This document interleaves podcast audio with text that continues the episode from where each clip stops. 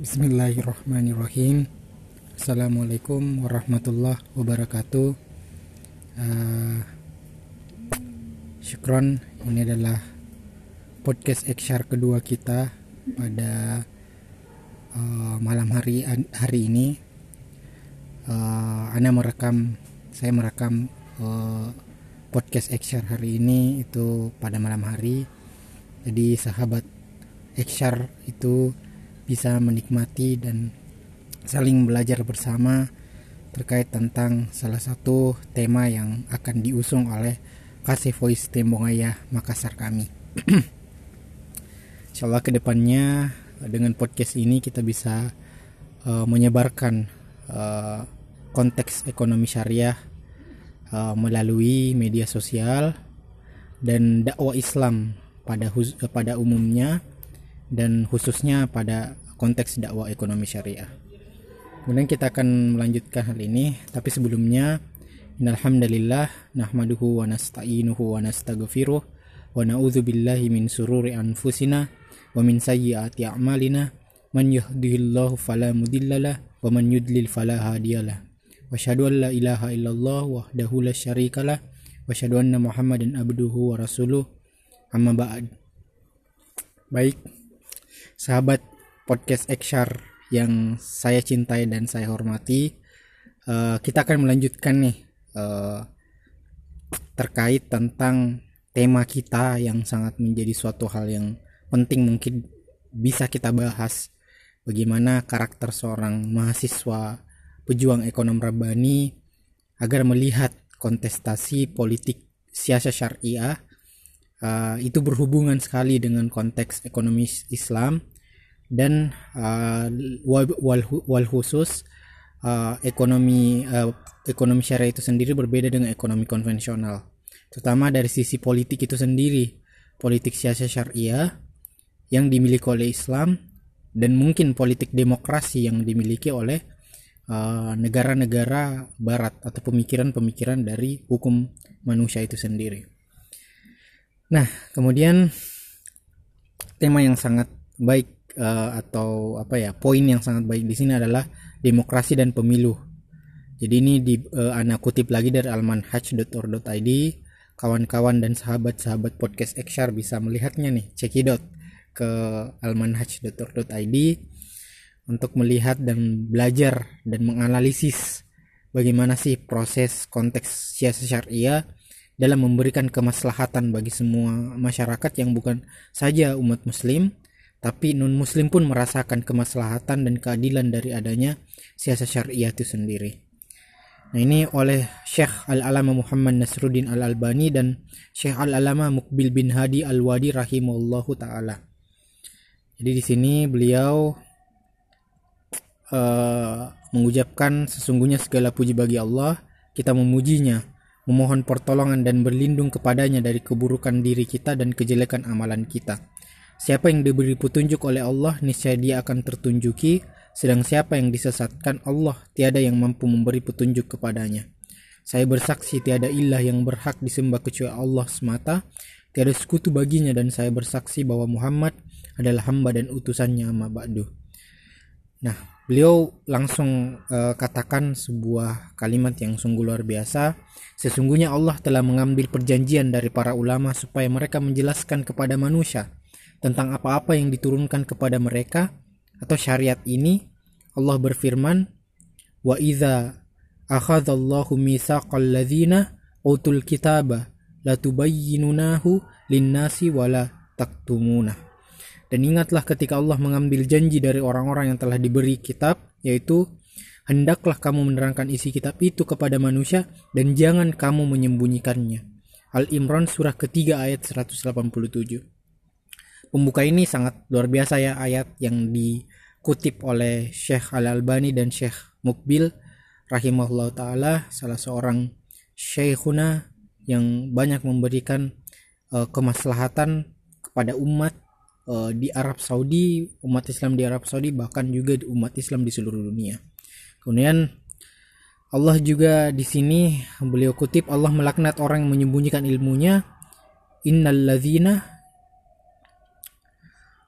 innal ladzina yaktumuna ma anzalna minal bayyinati wal huda min ba'di ma bayyanahu linnasi fil kitab ulaika yal'anuhumullahu wa yal'anuhu wa la'inun illa alladzina tabu wa aslahu wa bayyanu atubu alaihim Sesungguhnya orang-orang yang menyembunyikan apa yang telah kami turunkan berupa keterangan-keterangan yang jelas dan petunjuk setelah kami menerangkannya kepada manusia dalam Alkitab, mereka itu dilaknat Allah dengan dilaknat pula oleh semua makhluk yang dapat melaknati. Kecuali mereka yang telah taubat dan mengadakan perbaikan dan menerangkan kebenaran, maka terhadap mereka itulah aku menerima taubatnya dan akulah yang maha menerima taubat lagi maha penyayang. Al-Baqarah surah kedua ayat 159 sampai dengan 160. Wow, masya Allah ya teman-teman dan sahabat podcast Ekshar ini luar biasa banget nih uh, surah yang dikutip oleh uh, penulis sendiri uh, menggambarkan kita tentang bagaimana sih akidah kita ketika kita sedang berada dalam kesalahan terus di sini juga uh, memberikan kita konteks bagaimana kita menunjukkan kebenaran dan jangan sampai kita menyembunyikan apa-apa yang telah uh, Allah sudah turunkan. Kemudian Allah menerangkan akan dilaknati orang-orang yang berbuat seperti itu dan bahkan orang yang melaknatinya pun uh, manusia yang Allah telah pilih ikut melaknati mereka yang telah menyembunyikan sesuatu yang telah Allah turunkan. Nah, kecuali di sini mereka yang telah bertaubat Artinya sama dong konteks hijrah ke ekonomi syariah bahwa konteks itu harus betul-betul dijalankan dengan baik, harus betul-betul terus didakwahkan di tengah-tengah masyarakat kita agar uh, konteks kita uh, berjuang sebagai bentuk kemaslahatan bagi seluruh umat manusia itu bisa terselenggara. Dan Allah mengancam mereka dengan neraka. Ah, innal ladzina yaktumuna ma anzalallahu minal kitabi wa yastaruna bihi samanan qalila. Ulaika ma ya'kuluna fi butunihim illa nara wala yukallimuhumullahu yaumal qiyamah wala yuzakkihim walahum azabun alim. Sesungguhnya orang-orang yang menyembunyikan apa yang telah kami turunkan berupa keterangan-keterangan yang jelas dan petunjuk afwan maaf sesungguhnya orang-orang yang menyebutkan apa yang telah diturunkan Allah yaitu Alkitab dan menjualnya dengan harga yang sedikit atau murah mereka itu sebenarnya tidak memakan atau tidak menelan ke dalam perutnya melainkan api. Dan Allah tidak akan berbicara kepada mereka pada hari kiamat dan tidak mensucikan mereka dan bagi mereka siksa yang amat pedih. Al-Baqarah surah kedua ayat 174 sebagai pengamalan sabda Rasulullah SAW agama itu adalah nasihat. Kami bertanya bagi Siapa wahai Rasulullah? Jawab beliau, bagi Allah, kitabnya, rasulnya, para pemimpin kaum muslimin, dan masyarakat umum. Hadis riwayat muslim. Dan mencermati beragam musibah yang menimpa umat Islam, dan pemikiran-pemikiran yang disusupkan oleh komplotan musuh terutama pemikiran impor yang merusak akidah dan syariat umat, maka wajib bagi setiap orang yang dikaruniai ilmu agama oleh Allah agar memberi penjelasan hukum Allah dalam beberapa masalah berikut. Nah, demokrasi kita kembali nih membahas tentang konteks demokrasi itu sendiri untuk mencerahkan kita bahwa siasat syariah ini akan berhubungan dengan konteks ekonomi Islam karena ini tentang ke kepentingan kemaslahatan umat, kemaslahatan umat manusia dan juga memberikan keadilan seadil-adilnya kepada uh, manusia itu sendiri dengan konteks politik siasat syariah yang konteksnya yang dipelopori oleh Islam dan uh, perbedaannya dengan konteks demokrasi yang dipelopori oleh uh, hukum manusia atau pemikiran manusia. Menurut pencetus dan pengusungnya, demokrasi adalah pemerintahan rakyat, dari rakyat, oleh rakyat, dan untuk rakyat. Rakyat pemegang kekuasaan mutlak. Nah, ini pemikiran bertentangan dengan syarat Islam dan akidah Islam. Allah berfirman, Innil hukmu ilalillah. Menetapkan hukum itu hanyalah hak Allah. Al-An'am surah ke-6 ayat 57 man lam yahkumu bima anzalallahu faulaika humul kafirun. Barang siapa yang tidak memutuskan menurut apa yang diturunkan Allah, maka mereka itu adalah orang-orang kafir. Al-Maidah surah kelima ayat 44. Uh, amlahum amlahum suraka'u sara'u lahum minad dini ma lam ya ya'dzan bihi Allah. Apakah mereka mempunyai sembahan-sembahan selain Allah yang mensyariatkan untuk mereka agama yang tidak diizinkan oleh Allah? Asyura surah ke-52 ayat 21. Kemudian Allah juga berfirman, "Fala warabbika".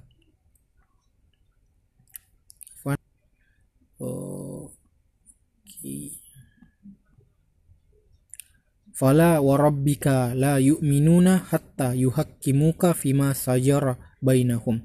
Maka demi Rabbmu, mereka pada hakikatnya tidak beriman hingga mereka menjadi kamu, menjadikan kamu hakim terhadap perkara yang mereka perselisihkan. An-Nisa surah keempat ayat 65. Ini terkait tentang Rasul SAW ketika itu kan di mana beliau menegakkan tauhid dan menghindari kesyirikan makanya uh, hukum itu terkait tentang apa yang menjadi uh, putusan dari Rasul SAW karena putusan dari Rasul SAW itu berasal semuanya dari Allah Subhanahu Wa Taala. Wala yusriku fi hukmihi ahada dan dia tidak mengambil seorang pun yang menjadi sukutunya dalam menetapkan keputusan. Al-Kahfi surat ke-18 ayat 26. Sebab demokrasi merupakan undang-undang togut, padahal kita diperintahkan agar mengingkarinya. Firmannya, faman yakfur bit toguti wa yu'min billahi faqadistam sakabil urwati wusqa lan fi la fins la lan fi samalaha wallahu samihun alim oleh karena itu barang siapa yang mengingkari togut dan beriman kepada Allah maka sesungguhnya ia telah berpegang pada buhul tali yang amat kuat yang tidak akan putus dan Allah maha mendengar dan maha mengetahui Al-Baqarah surah kedua ayat 256. Walaqad ba'atsna fi kulli ummatin rasulang an ibudullaha wajtanibut tagut. Dan sesungguhnya kami telah mengutus rasul pada tiap-tiap umat untuk menyerukan sembahlah Allah saja dan jauhilah tagut. An-Nahl surah ke-16 ayat 36. Alam tara ilal ladzina utu nasibam minal kitabi yu'minuna bil jibti wat taguti wa yaquluna lil ladzina kafaru haula'i ahda minalladzina amanus sabila. Apakah kamu tidak memperhatikan orang-orang yang diberi bahagian dari Alkitab? Mereka percaya kepada Jibril dan Togut dan mengatakan kepada orang-orang kafir musyrik Mekah bahwa mereka itu lebih benar jalannya dari orang-orang yang beriman. An-Nisa surah keempat ayat 51. Demokrasi berlawanan dengan Islam tidak akan menyatu selamanya. Oleh karena itu, hanya ada dua pilihan, beriman kepada Allah dan berhukum dengan hukumnya atau beriman kepada togut dan berhukum dengan hukumnya. Setiap yang menyelisih syariat Allah pasti berasal dari togut. Adapun orang-orang yang berupaya menggolongkan demokrasi ke dalam sistem syuro, pendapatnya tidak bisa diterima. Sebab sistem syuro itu teruntuk sesuatu hal yang belum ada nas atau dalilnya dan merupakan hak ahli hak, hak ahli hali wal akad maaf, yang anggotanya para ulama dan yang wara bersih dari segala pamri. Demokrasi sangat berbeda dengan sistem syuro, seperti telah dijelaskan di muka. Berserikat, ini merupakan bagian dari demokrasi. Serikat ini ada dua macam, dua macam ya, serikat dalam politik atau partai dan serikat dalam pemikiran. Nah, maksud serikat pemikiran adalah manusia berada dalam naungan sistem demokrasi. Mereka memiliki kebebasan untuk memeluk keyakinan apa saja sekehendaknya mereka bebas untuk keluar dari Islam, murtad, beralih agama menjadi Yahudi, Nasrani, ateis, anti Tuhan, sosialis, atau sekuler. Sejatinya ini adalah kemurtadan yang nyata. Allah berfirman, Innal ladhina tadu ala adbarihim min ba'di ma tabayyana lahumul huda as-saytanu sawwala lahum wa am wa am wa amla lahum. Dzalika bi annahum qalu lil ladzina karihu ma nazzalallahu sanuti'ukum fi ba'dil amr wallahu ya'lamu israrahum. Sesungguhnya orang-orang yang kembali ke belakang kepada kekafiran, sesudah petunjuk itu jelas bagi mereka. Syaitan telah menjadikan mereka mudah berbuat dosa dan memanjangkan angan-angan mereka. Yang demikian itu karena sesungguhnya mereka orang-orang munafik itu berkata kepada orang-orang yang benci kepada apa yang diturunkan Allah, yaitu orang-orang Yahudi, kami akan mematuhi kamu dalam beberapa urusan, sedang Allah mengetahui rahasia mereka. Muhammad surah ke-47 ayat 25 sampai 26. Uh, jadi konteks serikat itu sendiri dijelaskan juga ya bahwa konteks serikat di dalam uh, demokrasi itu sendiri sangat nyata terjadi ya serikat kepada konteks yang malah banyak apa ya uh, malah banyak mengundang kepada konteks yang buruk uh, malah uh, apa ya hak-hak yang kebenar yang benar itu semakin tidak ditegakkan uh, konteks yang betul-betul memiliki kemaslahatan bagi seluruh masyarakat itu malah dikesampingkan yang nyata-nyatanya itu merusak uh, apa ya masyarakat merusak uh, tatanan bagi seluruh kemaslahatan bagi masyarakat itu malah dibiarkan. Nah itulah yang menjadi posisi di mana politik siasa syariah ini berbeda dengan politik demokrasi yang dibawa oleh pemikiran manusia. Waman yartaddid minkum an dinihi fayamut wa huwa kafirun fa ulaika habitat a'maluhum fid dunya wal akhirah wa ulaika ashabun nar hum fika khalidun. Barang siapa yang murtad di antara kamu dari agamanya, lalu dia mati dalam kekafiran, maka mereka itulah yang sia-sia amalannya di dunia dan di akhirat. Dan mereka itulah penghuni neraka, mereka kekal di dalamnya. Al-Baqarah surah kedua ayat 217. 217. Adapun serikat politik atau partai politik, maka membuka peluang bagi semua golongan untuk menguasai kaum muslimin dengan cara pemilu tanpa mempedulikan pemikiran dan keyakinan mereka. Berarti penyamaan antara muslim dan non-muslim. Hal ini jelas-jelas menyelisih dalil-dalil qati atau absolut yang melarang kaum muslimin menyerahkan kepemimpinan kepada selain mereka. Allah berfirman, "Walan yaj'alallahu lil kafirina 'alal mu'minina sabila." Dan Allah sekali-kali tidak akan memberi jalan kepada orang-orang kafir untuk memusnahkan orang-orang beriman. An-Nisa surah keempat ayat 141. Allah juga Allah Subhanahu wa taala juga uh, berfirman di ayat, di ayat lain terkait hal ini ya ayyuhalladzina amanu atiullaha wa atiur rasula wa ulil amri minkum. Hai orang-orang yang beriman taatilah Allah dan taatilah rasulnya dan ulil amri di antara kamu. An-Nisa surah keempat ayat 59 Kemudian Allah juga menegaskan dalam ayat lain afanaji alul muslimin al mujrimin? Ma lakum kaifa maka apakah patut kami menjadikan orang-orang Islam itu sama dengan orang-orang yang berdosa atau orang kafir? Atau adakah kamu berbuat demikian? Bagaimanakah kamu mengambil sebuah keputusan? Al-Qalam surah ayat 35 sampai ayat 36. Nah, di sini Allah menjelaskan uh, uh, Allah Subhanahu wa taala menjelaskan tentang masalah bahwa keberpihakan kita selalu pada jalannya Allah dan Rasulnya. Untuk menegaskan perbedaannya konteks politik demokrasi dengan siasa syariah bahwa konteks itu harus jujur. Di mana jadi sahabat podcast XR ini harus jujur nih ketika kita memilih apa ya ke, apa eh, gerakan politik kita. Nah itu gerakan politik kita harus berdasarkan kepada konteks kita. Uh, banyak membangun apa ya membangun politik Islam gitu kan. Jangan membangun politik de demokrasi yang sebenarnya banyak kelemahan di dalamnya. Karena serikat atau bergolong-golong itu menyebabkan perpecahan dan perselisihan. Nah itu yang bisa kita lihat di eh, tempat yang bersistem demokrasi di mana banyak hal-hal yang terjadinya perpecahan, terjadinya perselisihan, kurangnya terlihat adanya persatuan karena proses-proses sistem demokrasi yang menghendaki akan adanya perpecahan dan perselisihan. Lantaran itu mereka pasti mendapat azab Allah. Allah memfirmankan, "Wala takunu kalladzina tafarraqu wakhtalafu min ba'di ma ja'ahumul bayyinah." Wa ulaika lahum adzabun azim. Dan janganlah kamu menyerupai orang-orang yang bercerai-berai dan berselisih sesudah datang keterangan yang jelas kepada mereka. Mereka itulah orang-orang yang mendapat siksa yang berat. Al-Imran surah ketiga ayat 105 mereka juga pasti mendapatkan bara dari Allah. Allah berlepas diri dari mereka. Firmannya innalladzina farraku dinahum wa kanu siya'ang lasta minhum fi say'in Sesungguhnya orang-orang yang memecah belah agamanya dan mereka menjadi bergolongan, tidak ada sedikit pun tanggung jawabmu kepada mereka.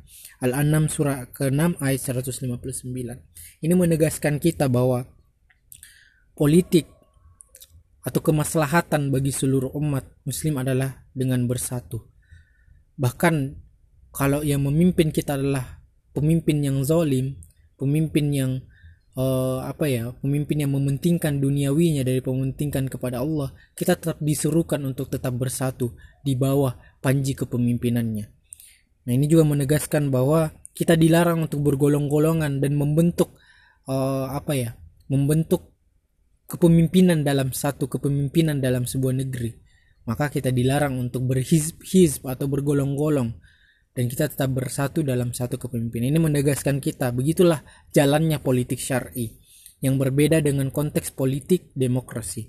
Nah, siapa pun yang beranggapan bahwa berserikat ini hanya dalam program saja, bukan dalam sistem atau disamakan dengan perbedaan mazhab fikih di antara ulama, maka realita yang terpampang di hadapan kita membantahnya.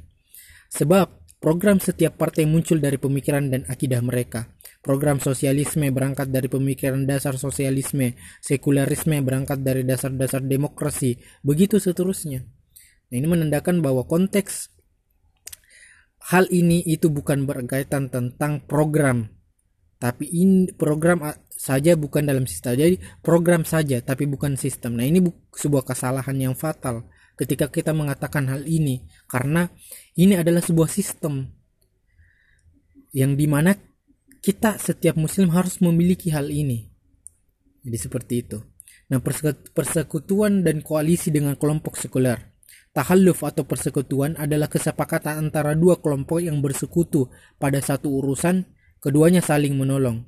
Tansik atau koalisi adalah suatu tandim atau sistem, yaitu semua partai berada dalam satu sistem yang menyeluruh dan menyatu. Tandim lebih tertata ketimbang persekutuan. Nah, itu uh, berbeda ya tadi uh, tentang sekutu sendiri karena tahalluf dengan tandim itu se seperti dua hal yang berbeda jadi tahalluf itu persekutuan yang hanya ber uh, ada pada satu kelompok dan kelompok lainnya sedangkan tandim itu ber, tentang sistem yang berada di semua golongan atau uh, dia menjadi kekuasaan bagi setiap golongan yang ada di sebuah negara. Bila koalisi ini bertujuan menyokong demokrasi berserikat, pemikiran dan usaha meraih kekuasaan yang dicanangkan oleh partai-partai Islam di beberapa negara Islam bekerja sama dengan partai sekuler maka pungkasannya adalah seperti persekutuan antara orang-orang Yaman dengan partai Bats sosialis untuk melancarkan perbaikan. Persekutuan dan koalisi model begini diharamkan sebab termasuk tolong-menolong dalam dosa dan permusuhan. Allah memfirmankan, "Wa ta'awwanu 'alal birri wat taqwa wala ta'awwanu 'alal ismi wal udwan dan tolong menolonglah kamu dalam mengerjakan kebajikan dan takwa dan jangan tolong menolong dalam berbuat dosa dan pelanggaran. Al-Maidah surah kelima ayat 2. Allah Subhanahu wa taala berfirman kembali, kembali wala tarkanu ilal ladzina zalamu fatamassakumun naru wa malakum min dunillahi min aulia'a summa la tunsarun. Dan janganlah kamu cenderung kepada orang-orang yang zalim yang menyebabkan kamu disentuh api neraka. Dan sekali-kali kamu tiada mempunyai seorang penolong pun selain daripada Allah kemudian kamu tidak akan diberi pertolongan. Hud surah ke-11 ayat 113 Ya ayyuhalladzina amanu la tattakhidhu bitanatin min dunikum la ya'alunakum khabalan wad waddu ma anittum qad badatil baghda'u min afwahihim wa ma tukhfi suduruhum akbar qad bayyana lakumul ayah in kuntum ta'qilun Hai orang-orang yang beriman, janganlah kamu ambil menjadi teman kepercayaanmu orang-orang yang di luar kalanganmu, karena mereka tidak henti-hentinya menimbulkan kemudaratan bagimu. Mereka menyukai apa yang menyusahkan kamu, telah nyata kebencian dari mulut mereka, dan apa yang disembunyikan oleh hati mereka adalah lebih besar lagi. Sungguh telah kami terangkan kepadamu ayat-ayat kami, jika kamu memahaminya. Al-Imran surah ketiga ayat 118 Selain mengandung implikasi terwujudnya kecintaan antara golongan tersebut antara muslim dan non-muslim, hal ini juga menggerus pondasi wala dan bara, loyalitas dan sikap berlepas diri. Padahal keduanya merupakan tali iman yang terkokoh. Allah berfirman, "Waman yatawallahum minkum fa innahu minhum. Barang siapa di antara kamu mengambil mereka menjadi pemimpin, maka sesungguhnya orang itu termasuk golongan mereka. Al-Maidah surah kelima ayat 51. Rasulullah Shallallahu alaihi wasallam bersabda, seseorang itu dikelompokkan bersama orang yang dicintainya. Ini hadis dari mutafakun alaih. Nah, orang-orang yang melegalkan persekutuan dan koalisi berdalil dengan beberapa dalil namun dalil-dalil tersebut tidak menunjukkan apa yang mereka kehendaki di antaranya. Satu, persekutuan Nabi SAW dengan orang Yahudi. Jawabannya sebagai berikut. Hadisnya tidak sohi karena mu'dal, gugurnya dua orang rawi secara berurutan dalam silsilah sanatnya. Kemudian pasal-pasal dalam persekutuan dijanjikan pijakan jika ini benar, maka menyelisih isi dari persekutuan tadi. hukum bagi Yahudi dan bagi orang-orang yang gak menerapkan syariat Allah adalah berbeda. Nah, mereka tidak dalam keadaan terpaksa atau darurat sebab keadaan darurat yang sesuai dengan syariat tidak terwujud lantaran syarat darurat tidak ada. Nah, kalaulah hadis tentang persekutuan Nabi dengan Yahudi itu sahih, tetapi hukumnya mansuk terhapus dengan hukum-hukum jizyah atau upeti yang diserahkan oleh orang-orang non-muslim yang berada dalam kawasan negara Islam sebagai imbalan jaminan keamanan dan menetapnya mereka. Rasulullah SAW menjalankan pemerintahan Islam, sedangkan jamaah dan partai yang terjun di, di medan dakwah tidak boleh memposisikan diri mereka sebagai pemerintah Islam. Nah, orang-orang Yahudi tersebut berada dalam naungan negara Islam. Oleh karena itu, tidak akan terwujud persekutuan antara golongan yang sederajat. Dua, persekutuan Nabi Wasallam dengan Bani Kus'ah. Jawabannya sebagai berikut. Yang benar, Bani Kus'ah adalah muslimin, Buktinya tersebut dalam sejarah mereka mengatakan kami telah memeluk Islam dan kami tidak mencabut ketaatan. Namun mereka membunuh kami sedang kami dalam keadaan ruku dan sujud. Andaikan saja mereka itu masih musyrik, tetapi hukum kafir asli berbeda dengan hukum bagi orang-orang yang menolak hukum Islam. Nah, isi persekutuan yang ada sekarang ini berbeda dengan isi persekutuan dengan Bani Kus'ah Pasal-pasal kesepakatan partai itu telah diisyaratkan di muka sedangkan pasal-pasal kesepakatan dengan kus'ah tidak mengandung penyelewengan dari kebenaran dan tidak ada kerelaan kepada kebatilan. Tiga perlindungan yang diberikan Mut'im bin Adi dan Abu Talib kepada Rasulullah Sallallahu Alaihi Wasallam. Jawabannya, ini strategi beliau mensiasati keadaan dan beliau masih bebas untuk berdakwah. Nah, kontradiksi yang menimpa mereka suatu kali mereka menyebut partai sekuler, kali lain mengatakan perbedaan golongan ini hanya dalam program bukan perbedaan manhaj. Kali lainnya lagi mengucapkan partai itu so sekarang telah murtad, namun mereka telah bertobat. Lantaran itu mereka menerima keislaman dan pertobatan mereka. Lantas mengapa mereka berdalih bahwa Nabi SAW bersekutu dengan Yahudi dan orang-orang musyrik? Jika mereka telah memfonis bahwa partai tertentu kafir, lalu mengapa mereka masih mengadakan persekutuan? Ini kontradiksi yang nyata. Andai taubat mereka jujur, maka menurut syariat harus memenuhi halal berikut. Harus mengumumkan pelepasan diri mereka dari keyakinan mereka yang terdahulu dan atribut-atribut ketenaran mereka. Dan mengakui kesalahan manhaj mereka yang dahulu. Dua, menghilangkan anasir yang menentang Islam dari diri mereka secara lahir batin. Dalil yang menjadi pegangan mereka yaitu perjanjian Hudaybiyah, jawabnya. Pemerintah Islam berhak mengikat perjanjian dengan musuh mereka jika dipandang maslahatnya lebih banyak ketimbang mafsadahnya. Nah, pada perjanjian Hudaybiyah tidak terdapat sikap mengalah, tidak seperti sikap sikap partai-partai itu. Rasulullah SAW mengganti tulis Ar-Rahmani Ar-Rahim dengan Bismika Allah. Adapun beliau tidak menuliskan kalimat Rasulullah SAW bukan merupakan bukti bahwa beliau menghapus risalah dari dirinya, tetapi justru mengucapkan demi Allah, aku benar-benar utusan Allah. Kemudian terjadinya perjanjian Hudaybiyah itu menghasilkan maslahat atau kebaikan nyata yaitu pengagungan kemuliaan Allah. Bandingkan dengan dampak yang muncul akibat persekutuan dan koalisi tersebut. Hukum bagi kafir asli dan bagi orang yang enggak menerapkan hukum Islam berbeda. Sekali lagi. Nah, pemilihan umum termasuk sistem demokrasi pula oleh karena itu diharamkan sebab orang yang dipilih dan yang memilih untuk memegang kepemimpinan umum atau khusus tidak diisyaratkan menurut syarat-syarat yang sesuai syariat. Metode ini memberi peluang kepada orang yang tidak berhak memegang kepemimpinan untuk memegangnya. Karena tujuan dari orang yang dipilih tersebut adalah duduk di dewan pembuat undang-undang atau legislatif. Yang mana dewan ini tidak memakai hukum Al-Quran dan Sunnah Rasulullah SAW, namun yang jadi hukum adalah suara mayoritas. Adalah dewan togut, tidak boleh diakui, apalagi berupaya untuk menggagas dan bekerja sama untuk membentuknya. Sebab dewan ini memer memerangi hukum Allah dan merupakan sistem barat. Produk Yahudi dan Nasara, oleh karena itu tidak boleh meniru mereka. Bila ada yang membantah, sebab di dalam syariat Islam tidak terdapat metode tertentu memilih pemimpin lantaran itu pemilu tidak dilarang. Nah jawabnya, pendapat tersebut tidak benar sebab para sahabat telah menerapkan metode tersebut dalam memilih pemimpin dan ini merupakan metode syar'i Adapun metode yang tempuh partai-partai politik tidak memiliki patokan-patokan pasti. Ini sudah cukup sebagai larangan bagi metode itu akibat orang non-muslim berpeluang memimpin kaum muslimin. Tidak ada seorang pun dari kalangan ahli fikih yang membolehkan hal itu. Nah, aktivitas politik nih. Teman-teman podcast sahabat syariah ini sebuah hal yang bisa kita lihat perbedaannya yang sangat nyata ya antara siasat syariah atau politik Islam yang diusung oleh Islam sendiri dengan uh, politik demokrasi. Ini juga menggambarkan bahwa di mana uh, partai-partai yang mengaku sebagai partai Islam itu itu memiliki banyak kekeliruan dalam unsur-unsur mereka dalam memperjuangkan hak-hak kaum muslimin di sebuah negara. Nah, itu tidak menjadi kenyataan bagi kita untuk terterapkannya di undang-undang karena uh, ada hak-hak lain juga yang pasti didengar di balik itu. Dan itu pastinya bisa saja menyelisihi kandungan-kandungan syariat itu sendiri. Nah, aktivitas politik. Partai-partai politik memiliki kesepakatan-kesepakatan antara mereka untuk tidak saling mengkafirkan dan bersepakat untuk mengukuhkan dasar-dasar demokrasi. Sedangkan hukum Islam adalah masalah ini, adalah mengkafirkan orang-orang yang telah dikafirkan oleh Allah dan Rasulnya, memberi cap fasik kepada orang yang dicap fasik oleh Allah dan Rasulnya dan memberi cap sesat kepada orang yang diberi cap sesat oleh Allah dan Rasulnya.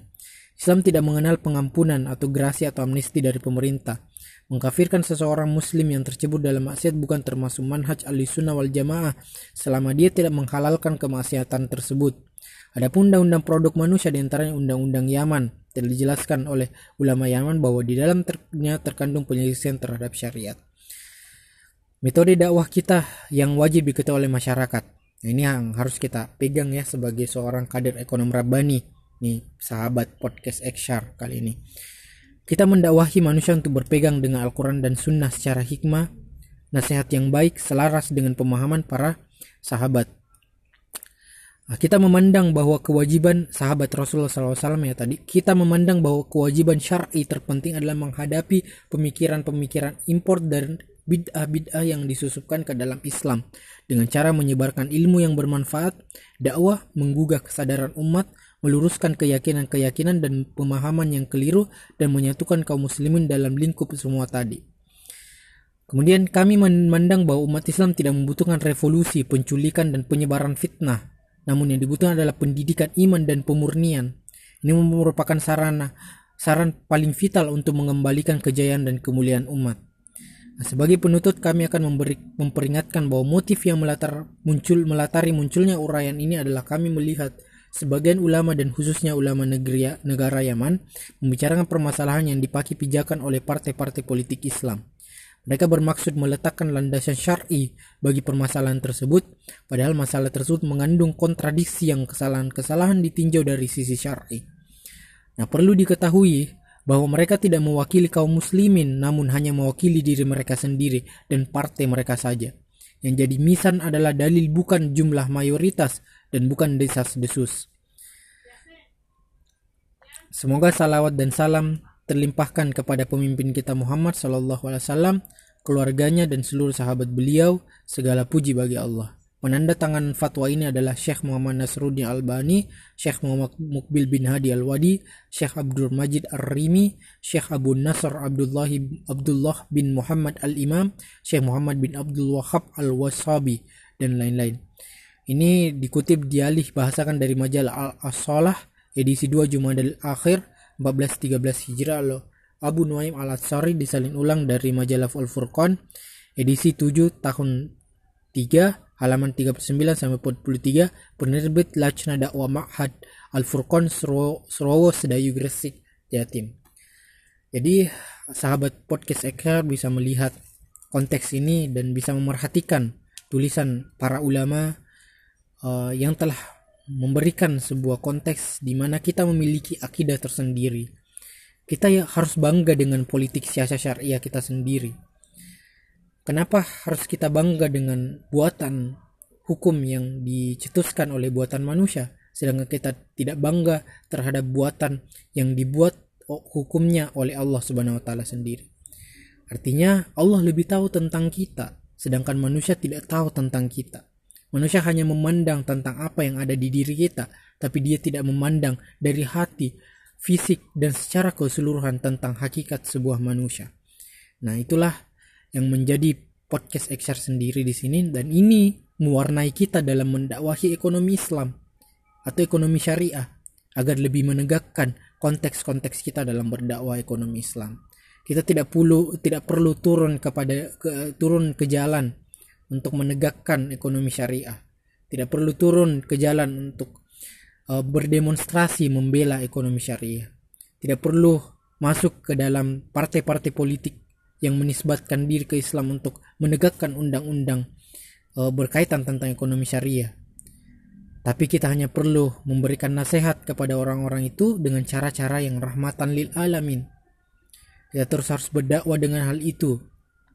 Kita tetap harus menegakkan keadilan di tengah-tengahnya kita, termasuk dalam ekonomi syariah itu sendiri. Nah, inilah menjadi warna bagi politik Islam kita, warna bagi konteks uh, siasat syariah yang kita pegang sebagai pegangan kita nantinya dan generasi selanjutnya untuk menegakkan perubahan bagi mahasiswa ekonom Rabbani, menegakkan uh, gaya disruption uh, bahwa sekarang dunia sedang terkoreksi dengan adanya COVID-19 ini musibah besar yang sedang melanda kita dan juga mengkoreksi konteks demokrasi itu sendiri. Nah, sehingga siasat syariah ini bisa menjadi tempat kita untuk tertolong dari masalah-masalah yang begitu pelik yang sedang kita hadapi. Insya Allah. Dan kita harapkan negeri kita bisa kembali recovery dan uh, pemerintah bisa terus menjalankan aktivitasnya untuk menegakkan keadilan, menjalankan setiap aturan-aturan apa yang menjadi aturan yang sesuai dengan syariat Islam maka kita ikuti apa yang tidak dengan sesuai syariat Islam. Jika itu masih bisa kita tidak ikuti dengan cara-cara uh, individunya kita maka kita ikuti secara individunya kita. Nah, uh, kehendak itu hanya milik Allah Subhanahu Wa Taala. Kita harapkan Indonesia bisa menjadi negara yang secara syariat Islam individunya juga bersyariat Islam jangan negaranya aja bersyariat Islam tapi individunya sudah paham syariat Islam Percuma sebuah negara itu hanya bersyariat Islam tapi individu-individunya tidak siap untuk bersyariat Islam. Maka warna dakwah kita harus pada konteks individu-individu manusia itu sendiri. Uh, mengambil mereka untuk menjadikan mereka dan melihat sebuah kenyataan pahit jika mereka menerima pemikiran manusia sebagai hukum, menerima pemikiran manusia sebagai tempat mereka untuk beraktivitas dan menjadi budaya uh, dan gaya hidup bagi uh, bangsa dan negeri kita. Insya Allah ke depannya kita akan melakukan podcast Ekshar ini sendiri. Ini adalah scan kedua ya atau apa ya episode episode kedua ya season series pertama nih.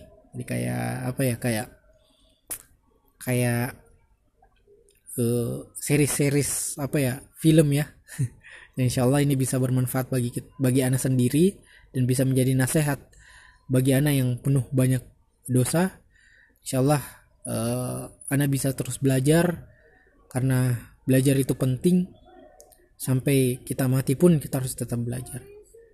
insya Allah kita selalu diberikan kesehatan dan kesuksesan bagi pendengar podcast Ekshar ini.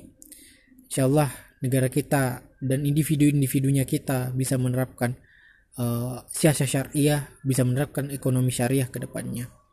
Syukron, jazakallah khair, barakallahu fiq. Uh, insyaallah selalu diberikan kita kesuksesan dan kesehatan. Uh, berjuang terus ekonom Rabbani, ekonom Rabbani bisa Allahu Akbar, semangat selalu harus level up agar kita menjadi masyarakat yang selalu penuh dengan semangat dan optimis ke depannya. Ana uh, akhiri saya akhiri dengan doa kafaratul majelis subhanaka wa bihamdik asyhadu an la ilaha illa anta astaghfiruka wa atubu ilaik. Uh, itu saja dari Ana. Sukses terus pendengar podcast Ekshar. Uh, insyaallah. Assalamualaikum warahmatullahi wabarakatuh